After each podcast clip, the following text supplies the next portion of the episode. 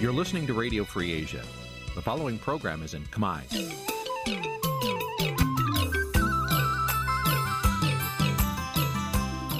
Nǐ ជាកម្មវិធីផ្សាយ Vuthu Azizi Serai នេះជាកម្មវិធីផ្សាយរបស់ Vuthu Azizi Serai ជាភាសាខ្មែរ Vuthu Azizi Serai សូមស្វាគមន៍លោកអ្នកនាងទាំងអស់ពីរដ្ឋធានី Washington នៃសហរដ្ឋអាមេរិក បាទផ្សាយផ្ទាល់ពីរដ្ឋធានី Washington សហរដ្ឋអាមេរិកខ្ញុំបាទមេរិតសូមជម្រាបសួរលោកនាងកញ្ញាប្រិមម្នាក់តាមដានស្ដាប់ Visual Asia ស្រីជាទីមេត្រីបាទយើងខ្ញុំសូមជូនកម្មវិធីផ្សាយសម្រាប់យប់ថ្ងៃអង្គារ3រោចខែចេសឆ្នាំថោះបញ្ញស័កពុទ្ធសករាជ2567ដែលត្រូវនៅថ្ងៃទី6ខែមិថុនាគ្រិស្តសករាជ2023បាទជាដំបូងនេះសូមអញ្ជើញលោកនាងកញ្ញាស្ដាប់មេតិការព័ត៌មានប្រចាំថ្ងៃដូចតទៅ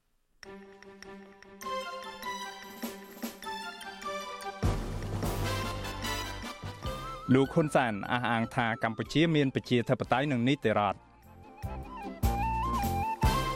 តំណាងពលរដ្ឋមានទំនាស់ដីធ្លីជិត50គ្រួសារចេញតវ៉ានៅមុខសាលាខេត្តបាត់ដំបងទាមទារការពន្លឿនចេញប្លង់កម្មសិទ្ធិដីធ្លីគឧតកោគឧតកោកាស៊ីណូ Nagawal ចេញលិខិតប្រតិកម្មនឹងលោកហ៊ុនសែនដែលបន្តចាត់ប្រកាន់ពួកគាត់ថាស៊ីឈ្នួលធ្វើបាតកម្មឲ្យបរទេស បាទនៅក្នុងនេតិវេទិកាអ្នកស្ដាប់ Visual Asia ស្រីយប់នេះយើងនឹងពិភាក្សាអំពីថាតើកម្ពុជាអាចនឹងបាត់បង់ប្រព័ន្ធអនុគ្រោះពន្ធ EBA ទាំងស្រុងដែរឬទេក្រោយមិនអនុញ្ញាតឲ្យគណៈបកភ្លើងទៀនចូលរួមការបោះឆ្នោតនោះរួមនឹងព័ត៌មានសំខាន់សំខាន់មួយចំនួនទៀតបាទជាបន្តទៅទៀតនេះខ្ញុំបាទមេរិតសូមជូនព័ត៌មានទាំងនេះពិស្ដា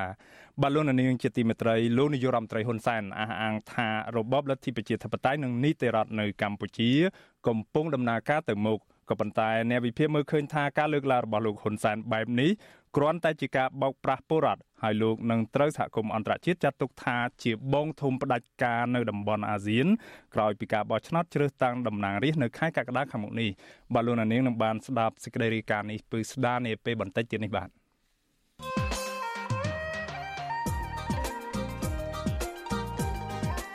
បាទលោកនាងកញ្ញាប្រិមម្នាក់ស្ដាប់ជាទីមេត្រីក្រោយមិនអនុញ្ញាតឲ្យគណៈបកប្រឆាំងធំជាងគេនៅកម្ពុជាគឺគណៈបកភ្លើងទៀនចូលរួមប្រគល់ប្រជែងការបោះឆ្នោតហើយ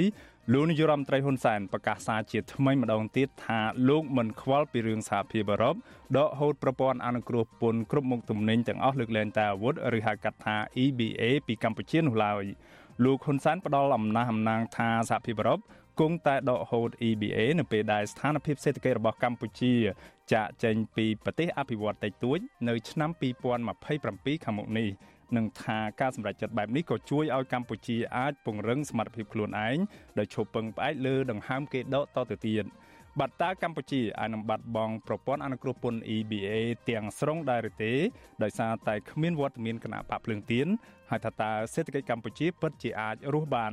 ដោយពុំចាំបាច់ពឹងផ្អែកទៅលើប្រព័ន្ធអនុគ្រោះពន្ធ EBA របស់សហភាពអឺរ៉ុបដែរទេបាទនេះគឺជាប្រធានបទនៃវេទិកាអ្នកស្ដាប់ Visual Asia ស្រីរបស់យើងនៅយប់នេះដែលយើងនឹងពិភាក្សាលើប្រធានបទនេះដែលមានវាគ្មិនសំខាន់ពីររូបចូលរួមបាទប៉ះសិនបាទលោកនាងចាប់អារម្មណ៍ចង់ចូលរួមដាក់ជាមតិយោបល់ឬក៏សំណួរទៅកាន់វាគ្មិនកិត្តិយសរបស់យើងបាទសូមអញ្ជើញលោកនាងដាក់លេខទូរស័ព្ទនិងឈ្មោះនៅក្នុងប្រអប់ខ្ទង់ខ្ទង់ comment នៃការផ្សាយផ្ទាល់ របស់យើងតាមបណ្ដាញសង្គម Facebook និង YouTube ឬក៏នៅលើទំព័រ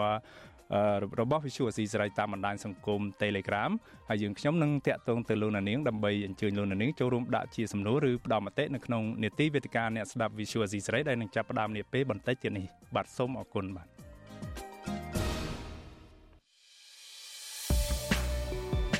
កម្មវិធី Visual Asia ស្រីសម្រាប់ទូរស័ព្ទដៃអាចឲ្យលោកនាងអានអត្ថបទ ទស្សនាវីដេអូនិងស្ដាប់ការផ្សាយផ្ទាល់ដោយឥតគិតថ្លៃនិងដោយគ្មានការរំខានដើម្បីអាននិងទស្សនាមេតិការថ្មីថ្មីពី Vithu Azisari លោកអ្នកនាងគ្រាន់តែចុចបាល់កម្មវិធីរបស់ Vithu Azisari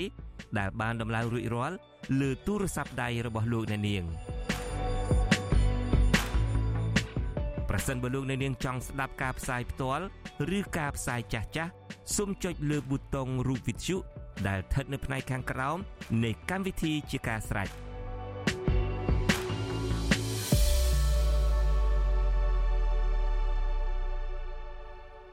បាទលោកនាងជាទីមេត្រីយើងបន្តតាមដានស្ដាប់ព័ត៌មានតាក់ទងទៅនឹងវិវាទដីធ្លីរ៉ាំរ៉ៃវិវាទដីធ្លីរ៉ាំរ៉ៃនៅឯខេត្តបាត់ដំបងឯនោះវិញបាទតំណាងពលរដ្ឋមានទំនាស់ដីធ្លី69គ្រួសារនៅស្រុកកោះកឡខេត្តបាត់ដំបងប្រមាណ60នាក់នៅព្រឹកថ្ងៃទី6ខែមិថុនាប្រមូលផ្ដុំគ្នាតវ៉ានៅខាងមុខសាលាខេត្តបាត់ដំបងស្នើសុំឲ្យអភិបាលខេត្តនេះជួយអន្តរាគមន៍ដល់ពួកគេដើម្បីទទួលបានបានកម្មសិទ្ធិដីធ្លីស្របច្បាប់ពួកគេអះអាងថាពួកគាត់អស់ជំនឿទៅលើអាជ្ញាធរមូលដ្ឋាន ដែលមិនព្រមចេញប្លង់កម្មសិទ្ធិដីធ្លីជូនពួកគេបាត់តំណាងពលរដ្ឋម្នាក់គឺលោកស្វាយសុភីប្រាប់វិសុវអាស៊ីស្រីថាពួកគេធ្លាប់បានស្នើសុំប្លង់រឹងគឺប្លង់កម្មសិទ្ធិដីធ្លីដែលពួកគេកាន់កាប់អស់ជាង10ឆ្នាំតាំងពីថ្នាក់មូលដ្ឋានរហូតដល់ថ្នាក់ក្រសួង ជាច្រើនឆ្នាំមកហើយក៏ប៉ុន្តែពុំទទួលបានការឆ្លើយតបណាមួយ។ ពួកយើងខ្ញុំឡើងមកតវ៉ានៅតុលាខេត្តនេះដើម្បីចង់បានតែឲ្យខាងអភិបាលខេត្តជួយពន្យាវវែងប្លង់កម្មសិទ្ធិជូនប្រជាពលរដ្ឋយើងខ្ញុំទាំង69គ្រួសារហ្នឹងបានបាទជុំវិញបញ្ហានេះមន្ត្រីសម្របសម្រួលសមាគមការពារសិទ្ធិមនុស្សអាត6ខេត្តបាត់ដំបងលោកយិនមេលី មានប្រសាសន៍ថាដីនៅក្នុងតំបន់ដែលពលរដ្ឋ69គ្រួសារឡើងមកតវ៉ានោះត្រូវបានវាស់វែងនឹងនឹងចេញកម្មសិទ្ធិដីធ្លីរួចហើយ បាទលោកបន្តថានៅពេលដែលអាជ្ញាធរចុះមកវាស់វែងដីធ្លីឲ្យប្រជាពលរដ្ឋដទៃទៀតនៅក្នុងតំបន់នោះពលរដ្ឋទាំងនោះក៏បានតវ៉ាដើម្បីឲ្យអាជ្ញាធរវាស់វែងនិងចេញប្លង់កម្មសិទ្ធិដីធ្លីជូនពួកគាត់ដែរក៏ប៉ុន្តែអាជ្ញាធរនៅពេលនោះលើកឡើងថាมันមានគោលការណ៍ដើម្បីវាស់វែងដីធ្លីជូនពួកគាត់នោះឡើយលោកបានថែមថាក្រោយមកពលរដ្ឋនៅតែបន្តស្នើរហូតដល់ក្រសួងដែនដី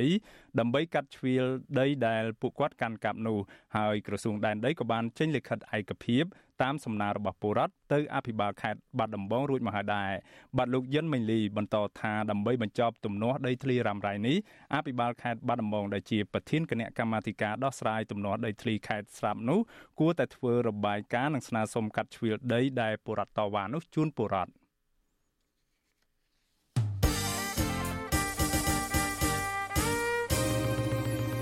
បាទលោកនាងជាទីមេត្រីយើងងាកមកស្ដាប់ព័ត៌មានតាក់ទងនឹងរឿងនយោបាយវិញម្ដងនៅមុនការបោះឆ្នោតជាតិជ្រើសតាំងតំណាងរាស្ត្រអាណត្តិទី7នេះដែលលោកនាយរដ្ឋមន្ត្រីហ៊ុនសែនកំពុងបង្កើនយុទ្ធនាការបង្ក្រាបមកលើក្រុមគណៈបពប្រឆាំងនឹងសម្លេងរិះគន់នៅកម្ពុជានោះ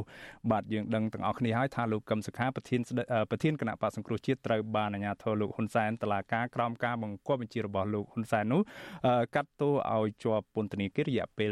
27ឆ្នាំដោយជំនួសដោយការដាក់ពន្ធនាគារនៅក្នុងដោយការដាក់ឃុំនៅក្នុងផ្ទះបាទនៅថ្ងៃនេះអ្នកវិភាគលើកឡើងថាលោកនាយរដ្ឋមន្ត្រីហ៊ុនសែនទំនងជានឹងលើកយកសំណុំរឿងលោកកឹមសុខាដោយផ្ដល់សេរីភាពខ្លះៗឲ្យមេបពប្រឆាំងរូបនេះដើម្បីបានលេស តថ្លៃជាមួយក្រមប្រទេសនិយមប្រជាធិបតេយ្យនិងក្រមប្រទេសលោកសេរីនោះមិនឲ្យដាក់ទណ្ឌកម្មមកលើរដ្ឋាភិបាលរបស់លោកក្រោយពីរដ្ឋាភិបាលរបស់លោកបានមិនអនុញ្ញាតឲ្យគណៈបកភ្លើងទៀនដែលជាគណៈបកប្រឆាំងធំជាងគេចូលរួមការបោះឆ្នោតជាតិនៅពេលខាងមុខនេះបាទពីរដ្ឋធានី Washington អ្នកស្រីសុជីវីរីកាព័រមីនេះបាទអ្នកវិភាគនយោបាយលើកឡើងថាពេលនេះលោកហ៊ុនសែនកំពុងប្រើវិធីសាស្ត្រលួងចិត្តក្រមប្រទេសសេរីដើម្បីកុំឲ្យពួកគេដាក់ទណ្ឌកម្មលើរដ្ឋាភិបាលលោក ក្រោយរបបលោកហ៊ុនសែនបិទមិនឲ្យគណៈបកភ្លើងទៀនចូលរួមការបោះឆ្នោតនៅថ្ងៃទី23ខែកក្កដាខាងមុខអ្នកវិភាគយល់ថាប្រធានគណៈបកសង្គ្រោះជាតិលោកកឹមសុខាទំនងជាកូនអុកថ្មីដ៏មានប្រសិទ្ធភាពរបស់លោកហ៊ុនសែនក្នុងការជួយបាំងព្យុះបាំងភ្លៀងបង្កដោយក្រមប្រទេសលោកសេរីនាពេលខាងមុខអ្នកវិភាគនយោបាយលោកកឹមសុខយល់ថាប្រសិនបរដ្ឋាភិបាលលោកហ៊ុនសែនបន្ធូរបន្ថយការរដ្ឋបិទលើលោកកឹមសុខាខ្លះៗទំនងក្រមប្រទេសសេរី មានការយោគយល់ឬបន្ធូរដៃក្នុងការដាក់ទណ្ឌកម្មលើរដ្ឋាភិបាលលោកហ៊ុនសែនលោកកឹមសុខបន្តទៀតថាលោកហ៊ុនសែនទំនងមិនហ៊ានផ្ដល់សេរីភាពពេញលេញឬលើកលែងឲ្យលោកកឹមសុខាទេប៉ុន្តែលោកហ៊ុនសែនអាចបញ្ជាទៅតុលាការក្រុងភ្នំពេញ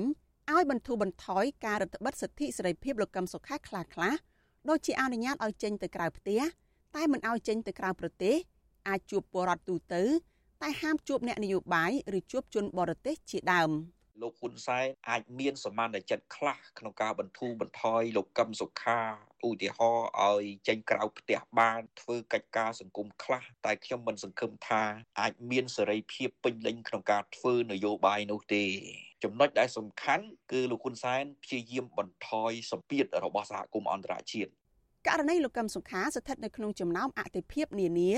ដែលសហគមន៍អន្តរជាតិតែងទាមទារទៅរដ្ឋាភិបាលលោកហ៊ុនសែនឲ្យផ្ដល់សេរីភាពជូនលោកកឹមសុខាវិញលោកកឹមសុខាត្រូវបានតុលាការក្រុងភ្នំពេញផ្តន្ទាទោសជាង3ខែមកហើយមិនទាន់ត្រូវបានសាលាឧទ្ធរបង្ហាញពីដំណើរក្តីដែលក្រុមមេធាវីលោកកឹមសុខាបានប្តឹងទាស់ទៅតុលាការជាន់ខ្ពស់មួយនេះនៅឡើយទេខណៈសំណុំរឿងមួយនេះហាក់នៅស្ងប់ស្ងាត់នៅតុលាការតែលោកហ៊ុនសែនបែរជាលើកយកករណីលោកកឹមសុខាមកនិយាយជាសាធារណៈជាញឹកញាប់ ថាលោកមានសិទ្ធិស្នើទៅព្រះមហាក្សត្រប្រទានការលើកលែងឲ្យលោកកឹមសុខា តែលោកមិនធ្វើទេព្រោះលោកមិនទុកចិត្តមន្ត្រីការទូតប្រទេសសេរី ជាពិសេសសហរដ្ឋអាមេរិកលោកចោទប្រកាន់ថាមន្ត្រីការទូតជាន់ខ្ពស់ក្រមប្រទេសលោកសេរី បានធ្វើនយោបាយការបរទេសបែបប្រហើនដោយពេលមកជួបលោករួចហើយហ៊ានទៅជួបលោកកឹមសុខាដោយមិនបានផ្ដល់ដំណឹងមករដ្ឋាភិបាលរបស់លោកឲ្យបានដឹងសាលក្រមសាលាដំបងចេញទៅ ចូលជាធរមាននាយករដ្ឋមន្ត្រីធ្វើលិខិតទៅព្រះមហាក្សត្រលើកលែងទោសតែខ្ញុំមិនទុកចិត្តជួនបរទេសទាំងឡាយដែលប្រមាថខ្ញុំប្រមាថអធិបតេយ្យរបស់ខ្ញុំប្រមាថខ្លួនខ្ញុំមកធ្វើការជាមួយខ្ញុំរួចហើយទៅធ្វើការជាមួយអ្នកប្រទេសអញ្ចឹងខ្ញុំទុកយ៉ាងនេះប្រទេសណែឯងជ្រើសរើសប្រទេសមួយឬណែឯងជ្រើសរើសក្រុមមនុស្សមួយក្រុមកាលពីថ្ងៃទី3ខែមិនិនាលោកកឹមសុខាត្រូវផ្ដន្ទាទោសឲ្យជាប់ពន្ធនាគាររយៈពេល27ឆ្នាំតែត្រូវឃុំខ្លួនក្នុងផ្ទះ តុលាការក៏បានដកសិទ្ធិសំខាន់សំខាន់នៃជីវិតនយោបាយរបស់លោកផងដែរដូចជាមិនអនុញ្ញាតឲ្យឈរឈ្មោះបោះឆ្នោតសិទ្ធិចូលរួមបោះឆ្នោតសិទ្ធិធ្វើសកម្មភាពនយោបាយផ្សេងផ្សេងទៀតជាដើមតុលាការក៏បង្គាប់ឲ្យលោកកឹមសុខាត្រូវស្ថិតនៅក្រោមការត្រួតពិនិត្យតាមផ្លូវតុលាការដោយមិនត្រូវចាកចេញពីបរិវេណនៃលំនៅឋានមិនត្រូវជួបបុគ្គលណាមួយទាំងសញ្ជាតិខ្មែរនិងបរទេសដោយផ្ទាល់ឬដោយប្រយោលតាមប្រព័ន្ធបច្ចេកវិទ្យាក្រៅពីសមាជិកគ្រួសារ លើកលែងតែមានការអនុញ្ញាតពីព្រះរាជអាជ្ញាក្រុមមេធាវីលោកកឹមសុខាបានប្តឹងទៅសាលាឧទ្ធរកាលពីចុងខែមិនិនាប្រឆាំងនឹងសេចក្តីសម្រេចរបស់តុលាការក្រុងភ្នំពេញទោះយ៉ាងណាមកដល់ពេលនេះសាលាឧទ្ធរមិនបានកំណត់ថ្ងៃបើកសវនកម្មលើបណ្ដឹងសាទុកនេះនៅឡើយទេតកតងរឿងនេះវិទ្យុអាស៊ីសេរីនៅមិនទាន់អាចសុំការបញ្ជាក់ពីក្រុមមេធាវីការពារក្តីលោកកឹមសុខាបានទេ នៅថ្ងៃទី6ខែមិថុនាទោះយ៉ាងណាមេធាវីលោកកឹមសុខាម្នាក់ គឺអ្នកស្រីមេធាវីមេសុភារីប្រាប់វិទ្យុអាស៊ីសេរីឲ្យដឹងកាលពីពេលថ្មីថ្មីកន្លងទៅនេះថាក្រុមមេធាវីមិនទាន់ទទួលបានដំណឹងណាមួយ ពីសាលាឧទ្ធរនោះនៅឡើយទេតកតងរឿងនេះវិទ្យុអាស៊ីសេរី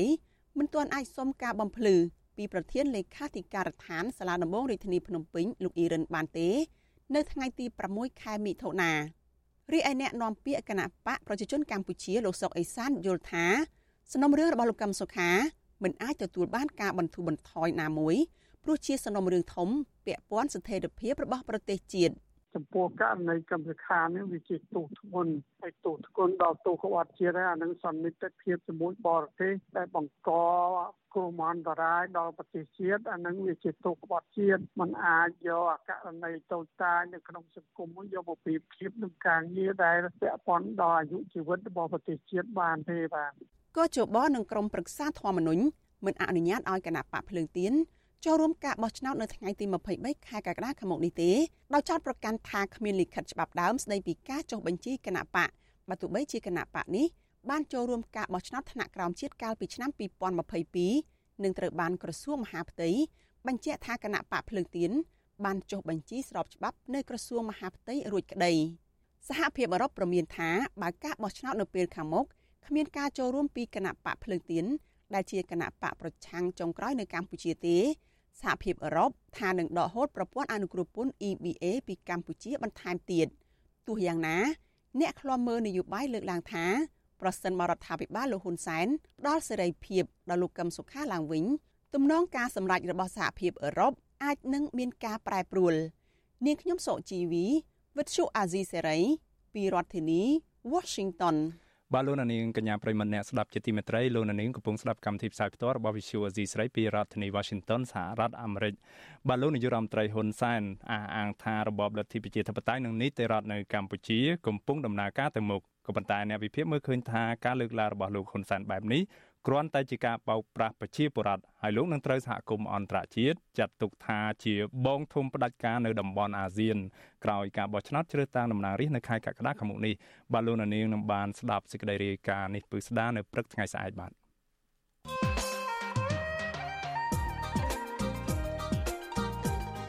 បាទលោកនាងជាទីមេត្រីក្រោយមិនអនុញ្ញាតឲ្យគណៈបកប្រឆាំងធំជាងគេគឺគណៈបកភ្លើងទៀនចូលរួមប្រគល់ប្រជែងនៅក្នុងការបោះឆ្នោតជាតិជ្រើសតាំងតំណាងរាស្ត្រអាណត្តិទី7នាខែកក្កដាខាងមុខនេះលោកនាយរដ្ឋមន្ត្រីហ៊ុនសែនប្រកាសសារជាថ្មីម្ដងទៀតថាលោកមិនខ្វល់ពីរឿងសហភាពអឺរ៉ុបដកប្រព័ន្ធអនុគ្រោះពន្ធគ្រប់មុខទំនិញទាំងអស់លើកលែងតែអាវុធឬហៅកាត់ថា EBA ពីកម្ពុជានោះឡើយលោកផ្ដល់អំណះអំណាងថាសហភាពអឺរ៉ុបគង់តែដកហូត EBA នៅពេលដែលស្ថានភាពសេដ្ឋកិច្ចរបស់កម្ពុជា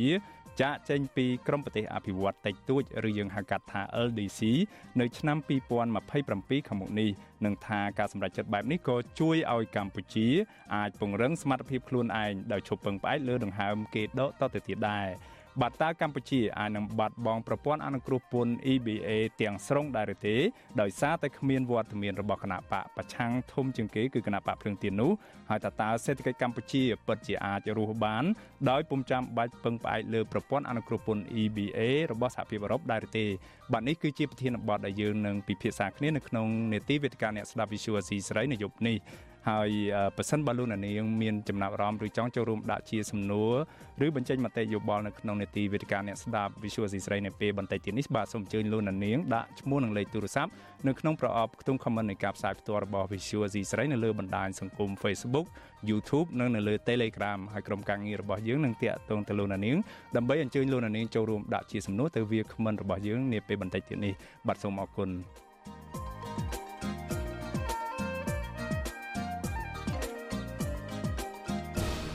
បាទមុននឹងយើងបន្តតាមដាននេតិវេទិកាអ្នកស្ដាប់ Visual C ស្រីដែលនឹងចាប់ផ្ដើមនាពេលបន្តិចទៀតនេះសូមលោកនាងងាកមកស្ដាប់ព័ត៌មានទាក់ទងនឹងការបន្តធ្វើកោតកម្មរបស់ក្រុមកោតក្រកាស៊ីណូ Nagavel ដែលបានអូសបន្លាយអស់រយៈពេលជាង1ឆ្នាំទៅហើយនោះបាទក្រុមកោតក្រ Nagavel បានចេញលិខិតបដិសេធការចោទប្រកាន់របស់លោកនាយរដ្ឋមន្ត្រីហ៊ុនសែនដែលចោទពួកគេថាកម្មករក្រុមហ៊ុនបនលបែងកាស៊ីណូ Nagavel ដែលអត់ការងារធ្វើរយៈពេល2ឆ្នាំមកនោះ ប្រកាសជាស៊ីឈ្នួលបរទេសដើម្បីធ្វើកោតកម្មពួកគេអំពាវនាវឲ្យលោកហ៊ុនសែនស្រាវជ្រាវឲ្យបានច្បាស់លាស់ជាមុនសិនមុននឹងចោទប្រកាន់ពួកគេបែបនេះបាទពីរដ្ឋធានី Washington លោកនៅវណ្ណរិនរាយការណ៍ព័ត៌មាននេះបាទក្រុមកោតក្រ Nagawer សោកស្ដាយដែលលោកហ៊ុនសែនបន្តចោទប្រកាន់កម្មករខ្មែរទាំងគ្មានមូលដ្ឋានច្បាប់និងជនរងគ្រោះដោយសារតែថកែរំលោភសិទ្ធិការងារថាជាក្រុមស៊ីឈ្នួលធ្វើបាតុកម្មឲ្យបរទេសទៅវិញ ពួកគេអះអាងថាការធ្វើកោតកម្មដោយសន្តិវិធី មិនមែនជាអំពើខុសច្បាប់នោះទេលិខិតរបស់ក្រុមកោតក្របង្ហោះលើបណ្ដាញសង្គមកាលពីថ្ងៃទី5មិថុនាឆ្លើយតបទៅនឹងការចោទប្រកាន់របស់លោកហ៊ុនសែនថាពួកគេទទួលលុយពីបរទេសធ្វើបាតុកម្មដើម្បីផ្ដួលរំលំរដ្ឋាភិបាល និងចោទសួរថានៅបរទេសគេបញ្ឈប់បុគ្គលិកម្ដងរាប់ពាន់នាក់បានមិនដេចកម្ពុជាមិនអាចបញ្ឈប់កម្មករជាង300នាក់បាន ពួកគេលើកឡើងថាក្រុមហ៊ុនដែលអាចបញ្ឈប់បុគ្គលិកបានលុះត្រាតែក្រុមហ៊ុននោះប្រឈមនឹងការខ្សែធនដោយមានលិខិតបញ្ជាក់ពីក្រសួងការងារត្រឹមត្រូវក៏ប៉ុន្តែចំពោះថៅកែក្រុមហ៊ុនបនលបែង Nagaworld ពុំមានលិខិតបញ្ជាក់ពីក្រសួងការងារនោះទេបែរជាបញ្ឈប់កម្មករទាំងអយុធធរដោយគ្មានការជូនដំណឹងទុកជាមុនលើពីនេះថៅកែក្រុមហ៊ុន Nagaworld ក៏បានបញ្ឈប់បុគ្គលិកជាស្ត្រីមានផ្ទៃពោះ ថ្នាក់ដឹកនាំសហជីពនិងបុគ្គលិកមានអតីតភាពការងារច្រើនឆ្នាំ ដែលខុសទៅនឹងច្បាប់ការងារជាមួយគ្នានេះក្នុងលិខិតបានបញ្ជាក់ថាក្រុមកោតក្រ Nagavel ធ្វើកោតកម្មដោយសន្តិវិធី ស្របតាមច្បាប់រដ្ឋធម្មនុញ្ញពុំមានបង្កភាពវឹកវរអសន្តិសុខសង្គមនិងគ្មានចេតនាចង់ផ្ដួលរំលំរដ្ឋាភិបាលដោយការចោទប្រកាន់របស់លោកហ៊ុនសែននោះឡើយ។ ជាងនេះទៀតក្រុមកោតក្រដែលបន្តធ្វើកោតកម្មរយៈពេល2ឆ្នាំមកនេះគឺដោយសារតែមានសប្បុរសជនជួយជាបន្លែត្រីសាច់អង្គបន្តិចបន្តួច និងមានកោតក្រមួយចំនួនលក់ទ្រព្យសម្បត្តិផ្ទាល់ខ្លួនដើម្បីផ្គត់ផ្គង់ជីវភាពកោតក្រដោយគ្មានបរទេសណានៅពីក្រោយខ្នងនោះទេ ប្រតិកម្មរបស់ក្រុមកោតក្រ Nagawal បែបនេះគឺធ្វើឡើងបន្ទាប់ពីលោកហ៊ុនសែនថ្លែងក្នុងពិធីសំណេះសំណាលជាមួយគណៈកម្មការនយោជកនៅស្រុកពញាលឺខេត្តកណ្ដាលកាលពីថ្ងៃទី3មិថុនាថាលោកមិនជឿកោតក្រអត់ការងារធ្វើបែរជាអាចធ្វើបាតកម្មរយៈពេល2ឆ្នាំដូច្នេះប្រកាសជាក្រុមស៊ីឈ្នួលធ្វើបាតកម្មឲ្យបរទេសលោកហ៊ុនសែនថែមទាំងប្រមានចាប់អ្នកផ្ដាល់លុយឲ្យក្រុមកោតក្រថែមទៀតផង។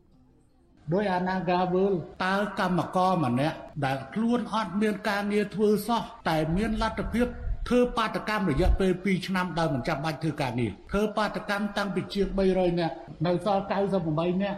98នាក់ក្មួយក្មួយហើយចាស់ចេញទៅមិនមែនគេមិនដឹងទេសម្រាប់អ្នកស៊ីគេហៅថាស៊ីឈ្នួលធ្វើបាតកម្មមកប្រទេសគេដទៃគេកាត់ម្ដងម្ដងរាប់ពាន់នាក់មិនក៏គេធ្វើបានហើយប្រទេសខ្មែរកាត់ត្រឹមតែប្រមាណ100នាក់ ធ្វើមិនបានទោះជាក្រុមកោតក្រ Nagawal ទទួលរងការគំរាមកំហែងនិងការប្រើអំពើហិង្សា ការចោទប្រកាន់តាមផ្លូវតុលាការនិងការលាបពណ៌ពីលោកហ៊ុនសែនក្តី នៅរសៀលថ្ងៃទី6មិថុនាក្រុមកោតក្រ Nagawer ប្រមាណ50នាក់នៅតែបន្តផ្ដុំគ្នាតវ៉ាឲ្យថៅកែ Nagawer ដោះស្រាយវិវាទការងារនិងទាមទារឲ្យតុលាការដោះលែងប្រធានសហជីពកញ្ញាឈឹមស៊ីធឲ្យមានសេរីភាព ពួកគេនាំគ្នាកាន់បដាពណ៌លឿងដែលមានរូបកញ្ញាឈឹមស៊ីធនៅជុំវិញអក្សរ Nagavel ដើម្បីបង្ហាញថាឈ្មោះក្រុមហ៊ុន Nagavel ជាក្រុមហ៊ុនរំលោភសិទ្ធិការងារនិងចាប់កញ្ញាឈឹមស៊ីធដាក់ពន្ធនាគារទាំងអយុត្តិធម៌ក្រៅពីនេះមានក្រុមកោតក្រមួយចំនួនទៀតបាននាំគ្នាវាយស្គរផ្លុំពៃនិងស្រែកឲ្យថៅកែក្រុមហ៊ុនបនលបែង Nagavel ចេញមកដោះស្រាយវិវាទការងារនេះក្រសួងការងារលោកពួកគាត់ដឹងថា ក្រសួងការងារអ្នកណាមានទូរទស្សន៍សូមផ្ដាំផ្ញើឲ្យផ្ញើសារទៅត្រង់ត្រង់ហ្មងផ្ញើទៅលោកហេងសួរហើយនឹងលោកអត់សំហែងសារដែលជារដ្ឋមន្ត្រីក្រសួងការងារជួយលោកជួយមើលល្មមឲ្យចាឲ្យសូមលោកចាអត់សំហែងនឹងលោកហេងសួរនឹងចាចេញមុខតបតបផងសូមប្រើតែអ្នកនាំពាក្យចាកុំប្រើតែពួកអ្នកនាំពាក្យដែលនាំពាក្យនាំរឿង តាក់ទិននឹងបញ្ហានេះវិទ្យុអស៊ីសេរីមិនអាចតាក់ទងแนะនាំពាក្យក្រសួងការងារលោកហេងសួរនិងแนะនាំពាក្យសាលារាជធានីភ្នំពេញលោកមេតមាសភក្តីដើម្បីសុំការអធិប្បាយលើបញ្ហានេះបានទេនៅថ្ងៃទី6មិថុនាជុំវិញរឿងនេះនាយកទទួលបន្ទុកកិច្ចការទូតនៃអង្គការលីកាដូលោកអំសំអាត យល់ថាការចេញលិខិតឆ្លើយតបទៅនឹងលោកហ៊ុនសែនគឺជាសិទ្ធិរបស់គឧតកោនៅក្នុងការបកស្រាយបំភ្លឺដើម្បីកុំឲ្យមានការយល់ច្រឡំថាពួកគាត់ធ្វើបាតកម្មប្រឆាំងនឹងរដ្ឋាភិបាលលោកសោកស្ដាយដែលវិវាទការងាររវាងក្រុមហ៊ុនបនលបៃ Nagaworld អូសបន្លាយជាង2ឆ្នាំមកនេះដោយគ្មានដំណោះស្រាយរហូតឈានដល់មានការលាបពណ៌ដល់ពួកគាត់និងចាប់ថ្នាក់ដឹកនាំសហជីពគឺកញ្ញាឈឹមស៊ីធដាក់ពន្ធនាគារជាដើម។ ខ្ញុំគ្រាន់តែយល់ថាដើម្បីបញ្ចប់រឿងកោតកម្មវាមិនមែនទៅលើរឿងលិពណ៌រឿងបញ្ហាផ្សេងទៀតទេការដែលបញ្ចប់បានគឺភាគីដែលពាក់ព័ន្ធហ្នឹងគឺត្រូវរួមគ្នាធ្វើម៉េចដោះស្រាយលើវិវាទការងារនឹងឲ្យបានចប់ទៅគឺវាជារឿងមួយល្អបំផុតហើយហើយបើសិនជាដំណោះស្រាយមិនចេញហើយកាន់តែលៀបពណ៌បន្ថែមអានឹងដំណោះស្រាយហ្នឹងក៏វានៅតែមានការអូសបន្លាយតទៅទៀតផងដែរ បើទោះជាលោកហ៊ុនសែនថ្លែងការពីថៅកែបនលបែង Nagawal លោកតាន់ស្រីថាការបញ្ឈប់មុខលឹកកម្មករជាង300នាក់គឺដោយសារពិភពលោកជួបវិបត្តិសេដ្ឋកិច្ចក្នុងអំឡុងពេលជំងឺ Covid បែបនេះក្តីក៏ក្រុមហ៊ុនមេដែលមានមូលដ្ឋាននៅទីក្រុងម៉ាកាវប្រទេសចិន មានឈ្មោះថា Nagacop ដែលជាម្ចាស់និងជាប្រតិបត្តិការនៅកម្ពុជា រាយការណ៍ថានៅក្នុងឆ្នាំ2022ប្រាក់ចំណូលសរុបពីវិស័យបនលបែងនេះមាន99.5%ដែលមានចំនួនកើនដល់ជិត4%ស្មើនឹង50លានដុល្លារក្នុងនោះប្រាក់ចំណូលសុទ្ធដែលក្រុមហ៊ុនទទួលបានមានចំនួន100លានដុល្លារ ក្រមកោតកោអង្គការសង្គមស៊ីវិលជាតិនិងអន្តរជាតិជំរុញឲ្យក្រសួងពាក់ព័ន្ធពន្លឿនការដោះស្រាយជាវិជ្ជមានដើម្បីកុំឲ្យប៉ះពាល់ដល់ជីវភាពកោតកោនិងធ្វើឲ្យកោតកោបាត់បង់ជំនឿចិត្តជាមួយស្ថាប័នរដ្ឋនិងរដ្ឋាភិបាលនេះខ្ញុំបាទនៅវណ្ណរិន With Chu Azizi Saray ពីរដ្ឋធានី Washington បាទលោកនាងកញ្ញាប្រិមម្នាក់ស្ដាប់ជាទីមេត្រីលោកនាងទើបបានស្ដាប់ព័ត៌មានប្រចាំថ្ងៃរបស់ Visual Asia ស្រីដែលជម្រាបជម្រាបជូនដល់ខ្ញុំបាទមេរិតពីរដ្ឋធានី Washington បាទសូមលោកនាងរងចាំស្ដាប់នេតិវេទិកាអ្នកស្ដាប់ Visual Asia ស្រីដែលនឹងចាប់ផ្ដើមនាពេលបន្តិចទៀតនេះបាទ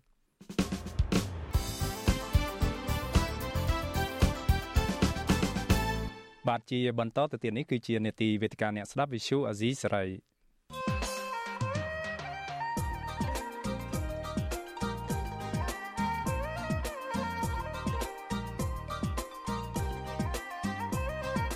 វេទិកាអ្នកស្ដាប់វិទ្យុអាស៊ីសេរី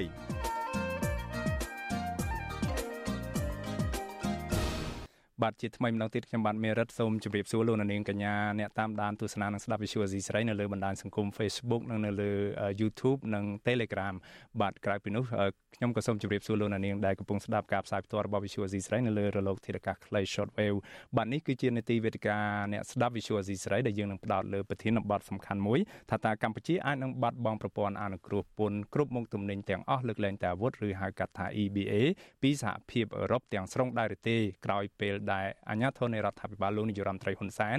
បានបើកយុទ្ធនាការជាប្រព័ន្ធបង្ក្រាបមកលើសម្លេងប្រឆាំងជាពិសេសនៃរយៈពេលចុងក្រោយនេះគឺมันអនុញ្ញាតតែម្ដងឲ្យគណៈបកភ្លើងទៀនអាចចូលរួមប្រគល់ប្រជែងនៅក្នុងការបោះឆ្នោតនាខែកក្កដាខាងមុខនេះហើយយើងចង់ដឹងដែរថាតើសេដ្ឋកិច្ចកម្ពុជាពិតជាអាចរស់បានដែរឬទេ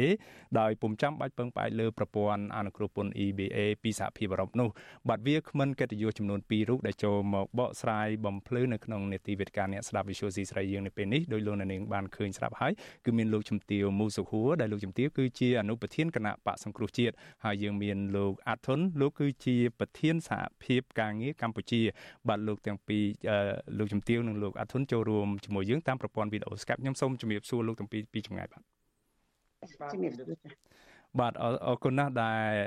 លោកជំទាវមូសហួរនិងលោកអាត់ធុន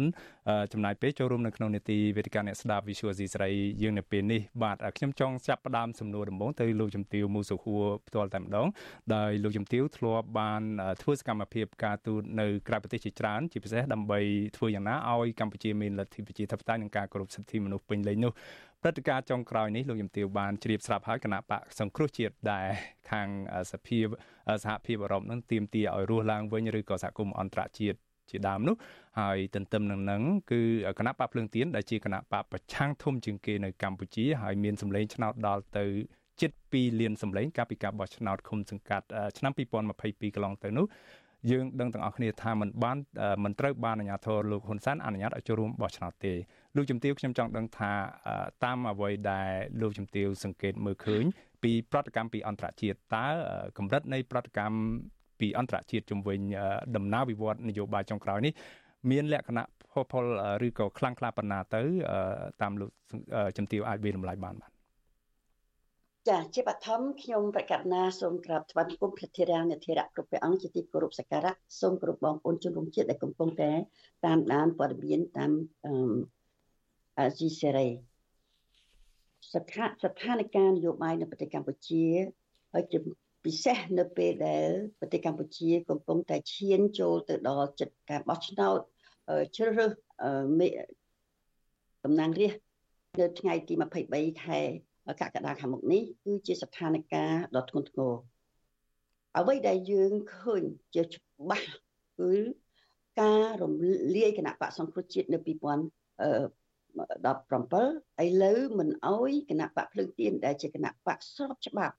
ដែលបានប្រជែងគួតប្រជែងស្រកដោយស្របច្បាប់នៅពេលបោះឆ្នោតគុំសង្កាត់2022រហូតទៅបានអាសនៈជាង2000អាសនៈសម្លេងពលរដ្ឋគ្រប់គ្រងគណៈបកភ្លឹងទៀនមានតដូចលោកអត់បានលើកមកហើយ72លានសម្លេងនោះអឺឥឡូវគណៈបកភ្លើងទៀនក៏អត់មានអត់មានសិទ្ធអីទាំងអស់នេះគេបិទសិទ្ធតែម្ដង មិនអោយគណៈបកភ្លើងទៀនចូលរួមនៅក្នុងការគួតប្រជែងអឺអ្វីដែលយើងស្ដាប់ឮពីសហគមន៍អន្តរជាតិហើយយើងកុំភ្លេចថាសហគមន៍អន្តរជាតិមិនមែនជាសហគមន៍អន្តរជាតិរដ្ឋាភិបាលធម្មតាទេនេះគឺជាហត្ថលេខីនៃកិច្ចព្រមព្រៀងទីក្រុងប៉ារីសហើយជាលើកដំបូងហើយដែលយើងឃើញនៅអឺអឺប្រទេសពីរដ្ឋាភិបាលបារាំងដែលលើកទៅរឿងករណីប្រទេសកម្ពុជា និងកិច្ចព្រមព្រៀងទីក្រុងប៉ារីសនៅក្នុងកិច្ចព្រមព្រៀងទីក្រុងប៉ារីសនេះយើងគេនិយាយច្បាស់ណាស់គឺកុំអោយត្រឡប់ទៅវាពិឃាតវិញដើម្បីហើយដើម្បីធ្វើអញ្ចឹងបានលុះត្រាតែនៃការបោះឆ្នោតដោយសេរីត្រឹមត្រូវដោយយុត្តិធម៌ផ្ដល់អំណាចដល់សេរីភាពសិទ្ធិពេញលេញឲ្យពលរដ្ឋជាម្ចាស់ឆ្នោតទៅជ្រើសរើសយកគណៈបកដែលខ្លួនចង់បាន បើសិនជាអត់មានសម្លេងដែលគណៈបកដែលខ្លួនចង់បាន គឺគណៈបកភ្លើងទៀននេះសហគមន៍អន្តរជាតិយើងឃើញថារហូតដល់ពេលនេះសហគមន៍អន្តរជាតិនៅតែទៀមទានៅតែជំរុញឲ្យរដ្ឋាភិបាលលោកហ៊ុនសែនគិតពិចារណាសារឡើងវិញដោយសារយើងដឹងពីព្រោះបើសិនជា អត់មានគិតសារឡើងវិញមិនអោយគណៈបកភ្លឹងទៀនចូលរួមនៅក្នុងការបោះឆ្នោតទេនោះវាคล้ายទៅពិតប្រកបជាការបោះឆ្នោតคล้ายคล้ายហើយនឹងវាមានវិបត្តិធំខ្លាំងទៅទៀតជាពិសេសវិបត្តិសេដ្ឋកិច្ច បាទលោកជំទាវមានប្រសាសន៍ថាសហគមន៍អន្តរជាតិបន្តបញ្ចេញប្រតិកម្មជាហោហែមកនេះតើប្រតិកម្មនេះអ្វីដែលលោកនាយរដ្ឋមន្ត្រីហ៊ុនសែនរឿងគណៈបកភ្លើងទៀននេះលោកចាត់ទុកថាខុសពីរឿងបើយើងប្រៀបធៀបជាមួយគណៈបកសង្គ្រោះជាតិតាមសម្ដីលោកហ៊ុនសែនហ្នឹងលោកអះអាងថាគណៈបកភ្លើងទៀននេះគឺធ្វើឲ្យបាត់ឯកសារលោកទម្លាក់កំហុសគឺបន្ទោសទៅគណៈបកភ្លើងទៀនទៅវិញទេហើយរដ្ឋាភិបាលកម្ពុជាមិនបានឈានទៅរំលាយគណៈបកភ្លើងទៀនដោយការ ពីរំលាយគណៈបកសង្គ្រោះជាតិកាលពីចុងឆ្នាំ2017ទេក្រងត្រង់កន្លែងដែលលោកហ៊ុនសែនបន្ទោសឬក៏ទម្លាក់កំហុសទៅគណៈបកភ្លើងទៀនខ្លួនឯងនេះតើសហគមន៍អន្តរជាតិអំណះអំណាងនេះគេទុកចិត្តបានប៉ុណ្ណាទៅបាទទាំងសហគមន៍អន្តរជាតិទាំងពលរដ្ឋខ្មែរជាម្ចាស់ឆ្នោតនេះមិនមែនអ្នកល្ងងទេសូមឲ្យលោកហ៊ុនសែនឈប់គិតថាយើងទាំងអស់គ្នាជាអ្នកដែលអត់មានខួរគិតហើយខ្ញុំយល់ឃើញថារឿងនេះយើងមិនគួរស្ដាប់សម្ដី ប្រសាសន៍លោកលោកហ៊ុនសែនទេយើងត្រូវសួរចុចសួរដែលគោជបគណៈកម្មការជាតិរៀបចំការបោះឆ្នោតมันបានឆ្លើយតតែសោះហេតុអ្វីបានជានៅឆ្នាំ2022គណៈបកភ្លើងទៀនបានគោជបអនុញ្ញាតឲ្យភ្លើងទៀនបានរហូតទៅដល់ចុះបោះសំលេងជាង20 723%មាន ហេតុអ្វីតាំងពី2022ខាងខាងកោជបលោកជំទាវបាទខាងកោជបអ្នកនាំពាក្យគណៈកម្មាធិការជាតិរៀបចំការបោះឆ្នោតលោកហងពុធានឹងបានចេញមកបកស្រាយថាការដែលគណៈបកភ្លឹងទៀនអាចចូលរួមប្រគល់ប្រជែងបោះឆ្នោតឃុំសង្កាត់ឆ្នាំ2022កន្លងទៅដោយសារការបោះឆ្នោតនោះជាការបោះឆ្នោតថ្នាក់ក្រោមជាតិក៏ប៉ុន្តែការបោះឆ្នោតថ្នាក់ជាតិតម្រូវឲ្យមានឯកសារដើមអីនោះតើលោកជំទាវពេញចិត្តប៉ុណ្ណាចំពោះអំណាចនេះបាទជាតិដាច់ខាតយើងមិនអាចទទួលយកបានទេពីព្រោះនៅច្បាប់ នៅក្នុងរដ្ឋធម្មនុញ្ញអត់មានចែងថា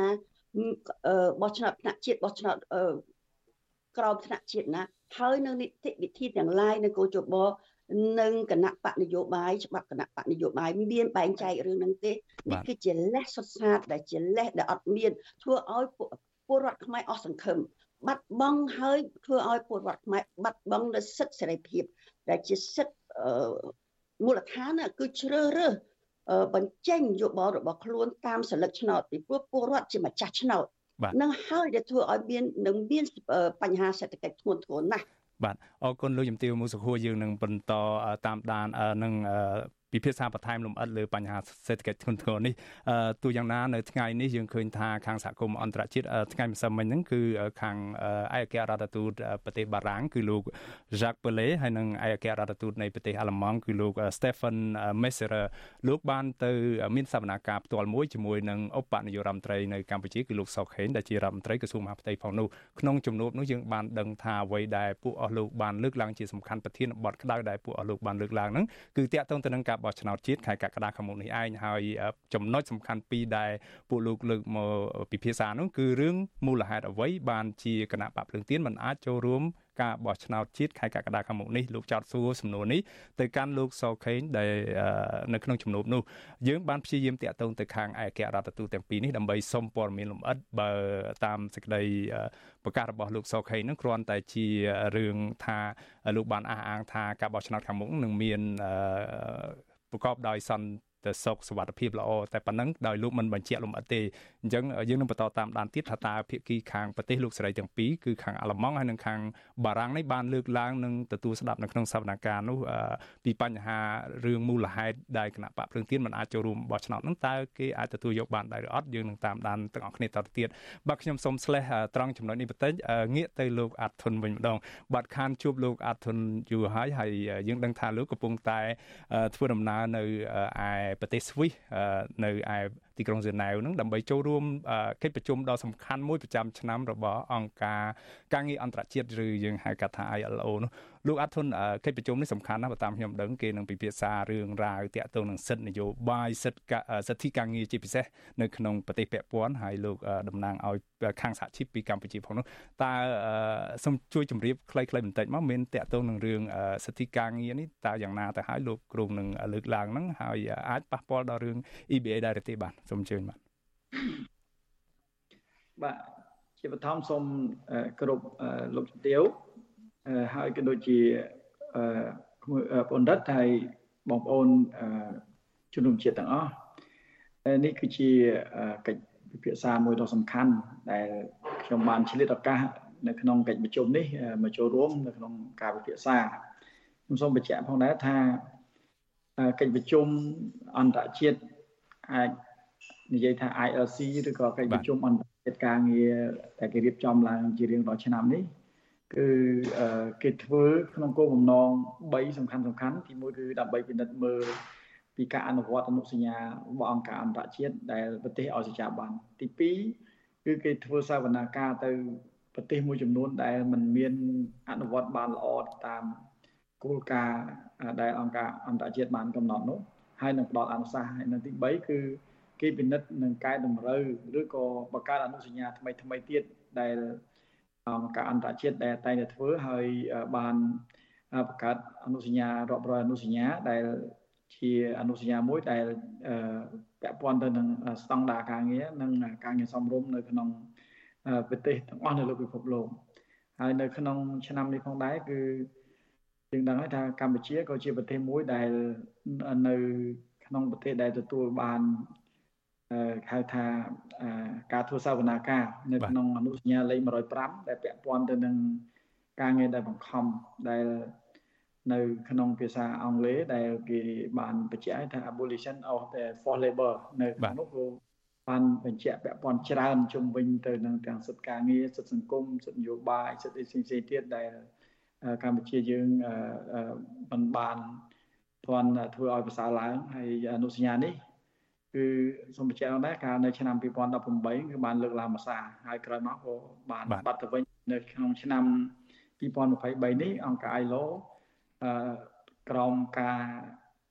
ត្រួតពិនិត្យរបស់គណៈកម្មការជំនាញគេបានដាក់នៅក្នុងការធ្វើសវនាការដែលជាប្រទេសមួយគេហៅថានៅក្នុង double footnote ដែលត្រូវពិភាក្សាសួរដេញដោលនៅក្នុង សវនាការនឹងតែម្ដងបាទអរគុណលោកអាធុនខ្ញុំនៅចាំបានថានៅពេលដែលសហភាពអឺរ៉ុបមុននឹងឈានទៅដកហូតប្រព័ន្ធអនុគ្រោះពន្ធ EBA 20%ពីកម្ពុជាកាលពី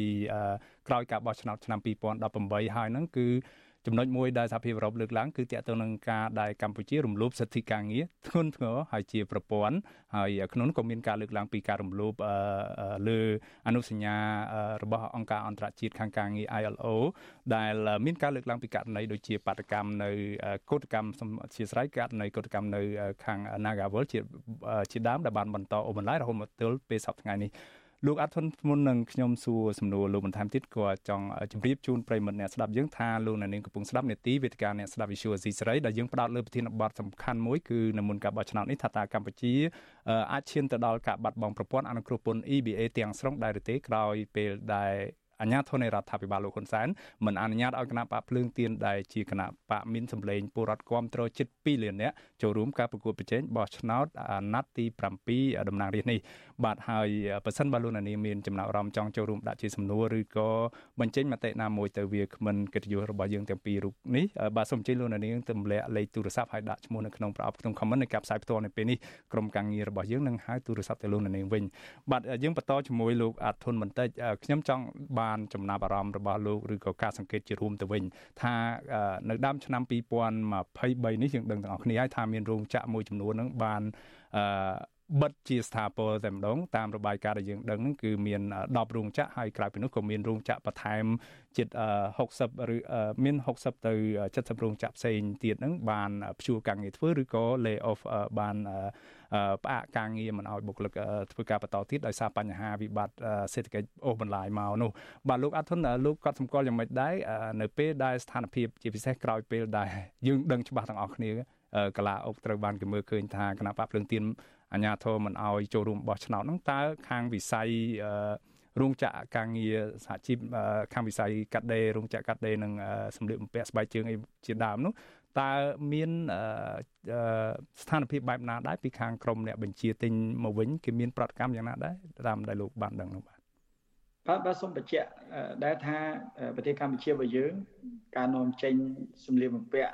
កាត់ដេរដេរស្បែកជើងហើយនិងសម្ភារៈកបោបយួរដៃរួមទាំងអឺកង់ឬក៏ឧស្សាហកម្មមួយចំនួនទៀតដែលជា spare part ផលិតនៅប្រទេសកម្ពុជាហ្នឹងភាគច្រើនគឺថាយើងនាំចេញទៅ សហគមន៍អឺរ៉ុបនិងសហរដ្ឋអាមេរិកទៅតាមប្រព័ន្ធ GSP ហើយនិងប្រព័ន្ធ EBA បាទដែលយើងអាចដឹងហើយថា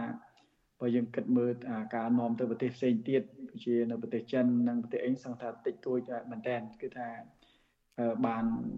ការនាំចេញទៅសហគមន៍អឺរ៉ុបនិងសហរដ្ឋអាមេរិកនេះគឺ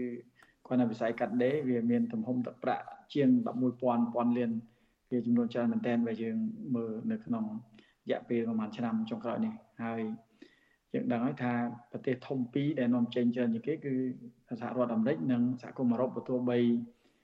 ចុងក្រោយនេះគឺសហរដ្ឋអាមេរិកមានការកើនឡើងនៃការនាំចូលក៏ដោយក៏ប៉ុន្តែសហគមន៍អឺរ៉ុបក៏នៅតែជាប្រទេសនៅក្នុងទំហំនាំចេញទី2ដែលជិតដល់4000ពាន់លានហើយដែលសហរដ្ឋអាមេរិកជាង4000ពាន់លាននៅក្នុងឆ្នាំកន្លងទៅហើយនៅឆ្នាំនេះក៏យើងមើលក្នុងរបាយការណ៍គឺប្រហាក់ប្រហែលទៅនឹងអឺ នេះដែរឆ្នាំកន្លងទៅដែរហើយនៅក្នុងវិស័យនេះអាចនាំឲ្យមានការងារបង្កើតការងារបានជិត1លាននាក់តែនៅក្នុងរបាយការណ៍របស់ក្រសួងប្រហែលជា80 40000នាក់ក្នុងចំនួនកម្មរោងចក្រប្រហែលជា1280ទៅ1300បាទ80តែបើយើងគិតអំពីរោងចក្រសហគ្រាសដែលมันបានចូលជីត្រឹមត្រូវប្រហែលថាជាង1លាននាក់ដែលនាំចេញនេះហើយសួរថាតើការដែលអឺ មានវិស័យនេះហើយមានការងារធ្វើនិងមានប្រាក់ចំណូលរហូតដល់ជួយទៅដល់ការបង្កើតការងារជីវភាពកាត់បន្ថយភាពក្រីក្រនេះគឺដោយសារអីគឺដោយសារតែប្រព័ន្ធអនុគ្រោះពន្ធនេះឯងហើយនៅក្នុងប្រព័ន្ធអនុគ្រោះពន្ធនៅក្នុងប្រទេសកម្ពុជា គឺមានលក្ខខណ្ឌទោះបីយើងនៅក្នុងប្រទេស LDC ក៏ដោយក៏ប៉ុន្តែ នៅក្នុងសហគមន៍អឺរ៉ុបនិងសហរដ្ឋអាមេរិកគឺបានភ្ជាប់ជាមួយលក្ខខណ្ឌត្រូវគោរព សិទ្ធិការងារសិទ្ធិមនុស្សនិងសិទ្ធិសង្គមផ្សេងផ្សេងពាក់ព័ន្ធទៅនឹងការផ្ដល់ប្រព័ន្ធអនុគ្រោះពន្ធនោះអញ្ចឹងវាជាលក្ខខណ្ឌមួយដែលចាំបាច់ដែលកម្ពុជាត្រូវត្រូវឆ្លើយតបទៅនឹងលក្ខខណ្ឌដែលស្នើឡើងដោយអឺរ៉ុបនិងសហរដ្ឋអាមេរិកហើយកន្លងមកយើងដឹងហើយថានៅពេលដែលកម្ពុជាមិនទាន់បានអនុវត្តបានល្អនៅសិទ្ធិសង្គមសិទ្ធិសហជីពនិងសិទ្ធិមនុស្សផ្សេងៗហ្នឹងគឺសហគមន៍អឺរ៉ុបបានសម្រេចកាត់ដល់ទៅ20%ប៉ុន្តែ នៅតែបន្តរក្សា80%ក្នុងការនាំចេញទៅសហគមន៍អឺរ៉ុបតែថ្មីថ្មីគឺយើងដឹងហើយសហគមន៍អឺរ៉ុបបានប្រជុំសម្រេចនៅសភារបស់ខ្លួនថាបើសិនជាมันបានស្រោចស្រង់ឬក៏มันបានប្រសើរឡើងនៅការអនុវត្តសិទ្ធិសហជីពសិទ្ធិការងារសិទ្ធិនយោបាយជាពិសេសគឺពាក់ព័ន្ធទៅនឹងនយោបាយចុងក្រោយនេះគឺថាសហគមន៍អឺរ៉ុបអាចនឹងផ្ដាច់ប្រព័ន្ធគុណបាទអរគុណជាការលើកឡើងដែលយើងបាន មើលរបាយការណ៍របស់គ្នាបាទអរគុណលោកអាធុនទោះយ៉ាងណាយើងបានដឹងទិន្នន័យបឋមបឋមមួយចំនួនបើមិនទាន់មានទិន្នន័យអំពីផលប៉ះពាល់ជារួមដោយសារតែសហភាពអឺរ៉ុបបានដកប្រព័ន្ធអនុគ្រោះពន្ធ eBay 20%នេះ កាលពីឆ្នាំ2020នៅមុនពេលដែលសហភាពអឺរ៉ុបឈានទៅអនុវត្តការដក20%នោះយើងឃើញថាទិន្នន័យរបស់របាយការណ៍ពីសំណាក់ក្រមសមាគមរោងចក្រនៅកម្ពុជាជីម៉ាក់ហ្នឹងឲ្យដឹងថារោងចក្រដល់ទៅ450រោងចក្រឯនោះបានព្យួរការងារបុគ្គលិកធ្វើឲ្យរោងចក្រ83រោងចក្របានបិទហើយ ថ្មីថ្មីមួយទៀតនោះគឺក្រោយពីកើតព្រឹត្តិការណ៍ COVID-19 ដែលជាវិបត្តិជាសកលនោះរោងចក្រនៅកម្ពុជាក៏បន្តបិទបន្តទៅទៀតហ្នឹងដែលប៉ះពាល់ដល់កម្មកររោងចក្រហ្នឹងរហូតដល់ទៅប្រមាណ50ឬក៏50ពាន់នាក់ឬក៏50000នាក់ជាងកាលពីពេលចុងក្រោយនេះបាទហើយយើងដឹងទាំងអស់គ្នាថានៅឆ្នាំ2023នេះគឺមានរោងចក្រចំនួនបិទចំនួន10បានបិទហើយទន្ទឹមនឹងនោះមានរោងចក្រ71រោងចក្រទៀតបាន ព្យួរការងាររបស់កម្មករហើយរោងចក្រខ្លះទៀតដូច60រោងចក្រឯណោះបាន lay off មានន័យថាផ្អាកការងារជាមួយនឹងបុគ្គលិក ជាច្រើនអ្នកដែលប៉ះពាល់ដល់បុគ្គលិកដល់32000អ្នកឯណោះអានេះតាមទិន្នន័យដែលយើងប្រមូលបាន បាទខ្ញុំមុននឹងពិភាក្សាបន្ថែមទៀតហ្នឹងនៅថ្មីថ្មីនេះលោកនាយរដ្ឋមន្ត្រីហ៊ុនសែនជាលើកទី1ហើយក្រោយពីមិនអនុញ្ញាតឲ្យគណៈបកភ្លើងទៀនចូលរួមបោះឆ្នោតជាផ្លូវការនោះគឺលោកបាននិយាយពាក់ព័ន្ធនឹងរឿង EBA នេះលោកអះអាងថាមិនយូរមិនឆាប់កម្ពុជាគង់តែបាត់បង់ប្រព័ន្ធអនុគ្រោះពន្ធនេះហើយក៏មិនប៉ះពាល់ខ្លាំងដល់កម្ពុជាដែរព្រោះកម្ពុជានឹងរួចផុតសេដ្ឋកិច្ចហ្នឹងខ្លាយទៅជាប្រទេសមានការអភិវឌ្ឍតិចតួចចាក់ចេញពីប្រទេស LDC នេះទៅជាប្រទេសមានកម្រិតមធ្យមមានប្រាក់ចំណូលមធ្យមកម្រិតទាបនោះបាទសូមអញ្ជើញស្ដាប់ប្រសាសន៍របស់លោកនាយករដ្ឋមន្ត្រីបន្តិចសិនបាទស្អីទៅ EBA អាហ្នឹងគេថាអ្វីអ្វីទាំងអស់លើកលែងតែអាវុធវាជាគោលនយោបាយមួយរបស់ប្រទេសអភិវឌ្ឍនៅឯអឺរ៉ុប គឺមានការបទូបថយពន្ធដារក្នុងការនាំជូនប៉ុន្តែ EBA នេះវានឹងបាត់នៅពេលណាមួយប្រទេសយើងដល់កម្រិតអភិវឌ្ឍអញ្ចឹងទេបើបាត់ពីឥឡូវក្នុងចំនួន20%នេះគឺវាក៏អត់មានវាគង់តែបាត់100%នៅពេលកមុខនេះនៅពេលកមុខនេះ អាចនឹងប៉ាន់ប្រមាណឆ្នាំ2026ឬ2027 2027យើងបាត់ទាំងអស់បាត់ទាំងអស់ព្រោះអីប្រទេសរបស់យើងគឺជាប្រទេសមិនមែនប្រទេសអភិវឌ្ឍតិចតួចទេណាបន្តិចទៀតកម្ពុជានឹងចេញផុតពីប្រទេសអភិវឌ្ឍតិចតួចអញ្ចឹងរ៉ូស៊ីត្រូវតែបង់ពន្ធឲ្យគ្នាទៅវិញទៅមកយកបង់ពន្ធគ្នាទៅវិញទៅមកហើយកន្លងទៅនេះ អា20%វាមានផលប្រយោជន៍វាមានស្អីប៉ះពាល់អីយើងនៅតែនាំទៅឯងវាយពន្ធក៏អញនាំទៅ បាទលោកជំទាវមូសុភូលោកជំទាវបានស្ដាប់ប្រសាសន៍របស់លោកនាយរដ្ឋមន្ត្រីហ៊ុនសែនហើយយើងបានដឹងទាំងអស់គ្នាលោកថាมันមានការប៉ះពាល់តែទោះជាយ៉ាងណាយើងដឹងរោងចក្រដល់ទៅរាប់រយរោងចក្របានបិទទ្វារឬក៏ព្យួរការងារធ្វើឲ្យប៉ះពាល់ដល់កម្មករក្នុងវិស័យកាត់ដេរនោះដល់ជាង50000នាក់ឯណោះបាទលោកជំទាវតើការដែលថាកម្ពុជានឹងអាចនឹងបាត់បង់ប្រព័ន្ធអនុគ្រោះពន្ធទាំងស្រុងហើយសេដ្ឋកិច្ចរបស់ខ្លួននៅតែបន្តដំណើរការបាននេះតើលោកជំទាវមើលឃើញថាសេដ្ឋកិច្ចកម្ពុជាពិតជាអាចរស់បានទេដោយគ្មាន EBA ពីសហភាពអឺរ៉ុបនោះបាទយើងត្រូវនិយាយអំពីសេដ្ឋកិច្ចសេដ្ឋកិច្ចយើងនិយាយអំពីឆ្នាំបាយនៃពលរដ្ឋយើងនៅគ្រប់ទាំងអ្នកមានអ្នកក្រអ្នកមធ្យមនៅគ្រឿងរឿង EBA នេះគេនិយាយអំពីសេដ្ឋកិច្ចដែលផលិតអ្វីដែលផលិតចេញពីរោងចក្រចេញពីវិស័យកសិកម្មផងបាទតើអ្នកទាំងអស់នោះពលរដ្ឋខ្មែរ ដែលជាអ្នកធ្វើកិច្ចការនៅក្នុងវិស័យកសិកម្មនៅក្នុងវិស័យផលិតនានានៅក្នុងរោងចក្រជាពលរដ្ឋរបៀបណា ជាពលរដ្ឋដែលមានចំណូលមកភ្យំចំណូលខ្ពស់ឬមួយក៏ជាចំណូលទាបបំផុតយើងលោកអាធុននៅនឹងស្រាប់ហើយការតស៊ូដ៏លំបាកក្រៃលែងនៃកម្មករកម្មការិនីយើងនៅទាំងនៅក្នុងវិស័យកសិកម្មដែរជាការតស៊ូមួយដ៏ញើសដ៏ឈាម ដែលលោកហ៊ុនសែនគាត់អត់មានពិចារណាគាត់អត់មានឈឺចាប់ទេពីព្រោះបើយើងមើលទំហំនៃហតិកានិងអ្វីដែលអ្នកមានអ្នកមានតែពាក់ព័ន្ធយើងឃើញហើយពេលគាត់រៀបអាពាហ៍ពិពាហ៍មង្គលការនៃកូនគាត់ម្ដងម្ដង គឺរាប់លានដុល្លារចំពោះកម្មកររោងចក្រកាត់ដេរវិញមួយថ្ងៃដើម្បីមួយថ្ងៃនេះមិនមែនសម្រាប់ជីវិតម្នាក់ទេណា សម្រាប់យ៉ាងតិចណាស់ជីវិត3នាក់ទៀតចិញ្ចឹមឪពុកម្ដាយកូនចៅយ៉ាងតិចខ្ញុំថាយ៉ាងតិចយើងមើលវិស័យកាត់ដេរនេះគឺជាឆ្នាំងបាយតែមួយគត់នៃពលរដ្ឋជាតិពីចិត្ត1លាននាក់ប៉ុន្តែចិញ្ចឹមពលរដ្ឋជាងប្រហែលជា2ទៅ3លាននាក់បន្តទៅទៀតរៀងរាល់ថ្ងៃបើសិនជាលោកហ៊ុនសែនគាត់មាន គំនិតជាអ្នកវិស័យសេដ្ឋកិច្ចជាអ្នកដឹកនាំមានវិស័យសេដ្ឋកិច្ចមួយថ្ងៃក៏គេមិនអោយប៉ះពាល់ដែរកុំថាឡើងគាត់ចាំដល់2027តែក្នុងពេលនេះដែលពលរដ្ឋកសិករយើងហើយនឹងកម្មកររបស់យើងនេះដែលមានបំណុលចងកមិនមែនចងការទេចងកលោកហ៊ុនសែនមានតែឆ្លើយចំពោះរឿងហ្នឹងទេមានទេវាអត់មានដូច្នេះគាត់និយាយនេះគាត់និយាយឲ្យតែរួចតែខ្លួនជា ជាការនិយាយមួយដែលអត់មានការទទួលខុសត្រូវអត់មានគុណធម៌អត់មាននឹងជាឋានៈដឹកនាំដែលមានការអនិច្ចអសូរទៅដល់ពលរដ្ឋរបស់ខ្លួនជាពិសេសជាស្ត្រីជាកម្មការិនី បាទលោកជំទាវមានប្រសាសន៍ថាជាប្រសាសន៍ដែលគ្មានការទទួលខុសត្រូវរបស់លោកនាយរដ្ឋមន្ត្រីហ៊ុនសែននេះយើងដឹងថាថ្មីថ្មីនេះលោកបើទោះបីជាលោកនិយាយមកខាងក្រៅនឹងស្ដាប់ទៅហាក់បីដូចជាកម្ពុជាហឹកហាក់ណាស់មិនចាំបាច់ពឹងលើ EBA របស់សហភាពអឺរ៉ុបឬក៏ប្រព័ន្ធអនុគ្រោះពន្ធក៏ដោយ យើងដឹងទាំងអស់គ្នាថានៅមុនពេលដែលសហភាពអឺរ៉ុបកាត់20%ពីកម្ពុជាកាលពីឆ្នាំដែលចូលជាផ្លូវការកាលពីពាក់កណ្ដាលខែសីហាឆ្នាំ2020នោះយើងឃើញថាក្រម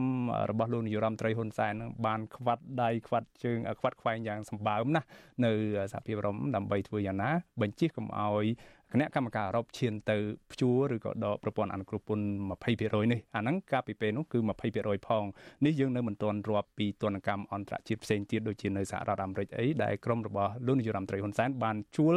ក្រុមហ៊ុន lobby របស់សហរដ្ឋអាមេរិកកុំឲ្យសហរដ្ឋអាមេរិកដាក់ទណ្ឌកម្មទៅលើរដ្ឋាភិបាលរបស់លោកឬក៏មន្ត្រីនៅក្នុងជួររដ្ឋាភិបាលរបស់លោកជាក់លាក់នោះដែលលោកចំណាយលុយដល់ទៅរាប់លានដុល្លារនៅក្នុងមួយឆ្នាំមួយឆ្នាំរហូតមកទល់ពេលនេះមិនទាន់បញ្ចប់ផងនោះហើយ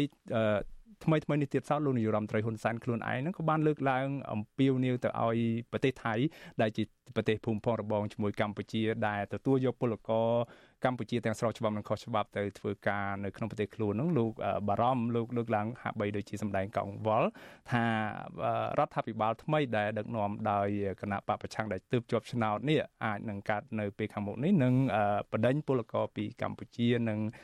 ពីប្រទេសឡាវដែលព័ត៌មាននេះត្រូវបានខាងក្រមសហគមន៍អន្តរជាតិជាពិសេសខាងក្រមអ្នកខ្លំមើលសិទ្ធិមនុស្សអន្តរជាតិចាត់ទុកថាជាព័ត៌មានคล้ายៗហើយទន្ទឹមនឹងក៏បង្ហាញឲ្យឃើញថារដ្ឋាភិបាលរបស់លោកហ៊ុនសែនហ្នឹងគឺបារម្ភខ្លួនឯងខ្លាចពលករខ្មែរអត់ការងារធ្វើហើយត្រឡប់ចូលស្រុកវិញដែលលោកអសមត្ថភាពមិនអាចរកការងារជូនកម្មករកម្មការនីកម្ពុជាជាច្រើនអ្នកដែលកំពុងធ្វើការនៅក្រៅប្រទេសនោះបាទអឺហើយក្រមសហគមន៍អន្តរជាតិជាពិសេសក្រមអង្គការសិទ្ធិមនុស្សអន្តរជាតិ Human Rights Watch ចាត់ទុកព័ត៌មាននេះជាព័ត៌មាន នមានខ្លាំងខ្លាយមិនទាន់អាចបញ្ជាក់បានឡើយហើយ Visual C សេរីកំពុងព្យាយាមតាក់ទងទៅខាងអ្នកនាំពាក្យគណៈបកជាប់ឆ្នោតថ្មីគឺគណៈបក Move Forward នៃប្រទេសថៃនោះដើម្បីសុំឲ្យបញ្ជាក់ពីគោលនយោបាយពិតប្រាកដរបស់អាជ្ញាធរថៃនោះថាតើគេនឹងធ្វើយ៉ាងណាចំពោះបញ្ហាពលករកម្ពុជាខុសច្បាប់នេះបាទបាទលោកក្នុងចំណុចខ្ញុំសូមឆ្លើយបន្តិចបានទេបាទសូមអញ្ជើញបាទអឺអ្វីដែលលោកហ៊ុនសែនបានមានប្រសាសន៍ថា គណៈបក move forward នឹងបណ្ដេញពលករខ្មែរយើងចេញពីប្រទេសថៃនៅពេលដែលគេកាន់កាប់រដ្ឋាភិបាលថ្មីនេះខ្ញុំផ្ទាល់ខ្លួនខ្ញុំខ្ញុំបានជាប់ជាប់ជួបជាមួយនឹងហើយសួរសំណួរផ្ទាល់ទៅអ្នកនាំពាក្យនៃគណៈបក move forward គេថាជារឿងមិនពិតទាល់តែសោះដូច្នេះខ្ញុំបានសុំ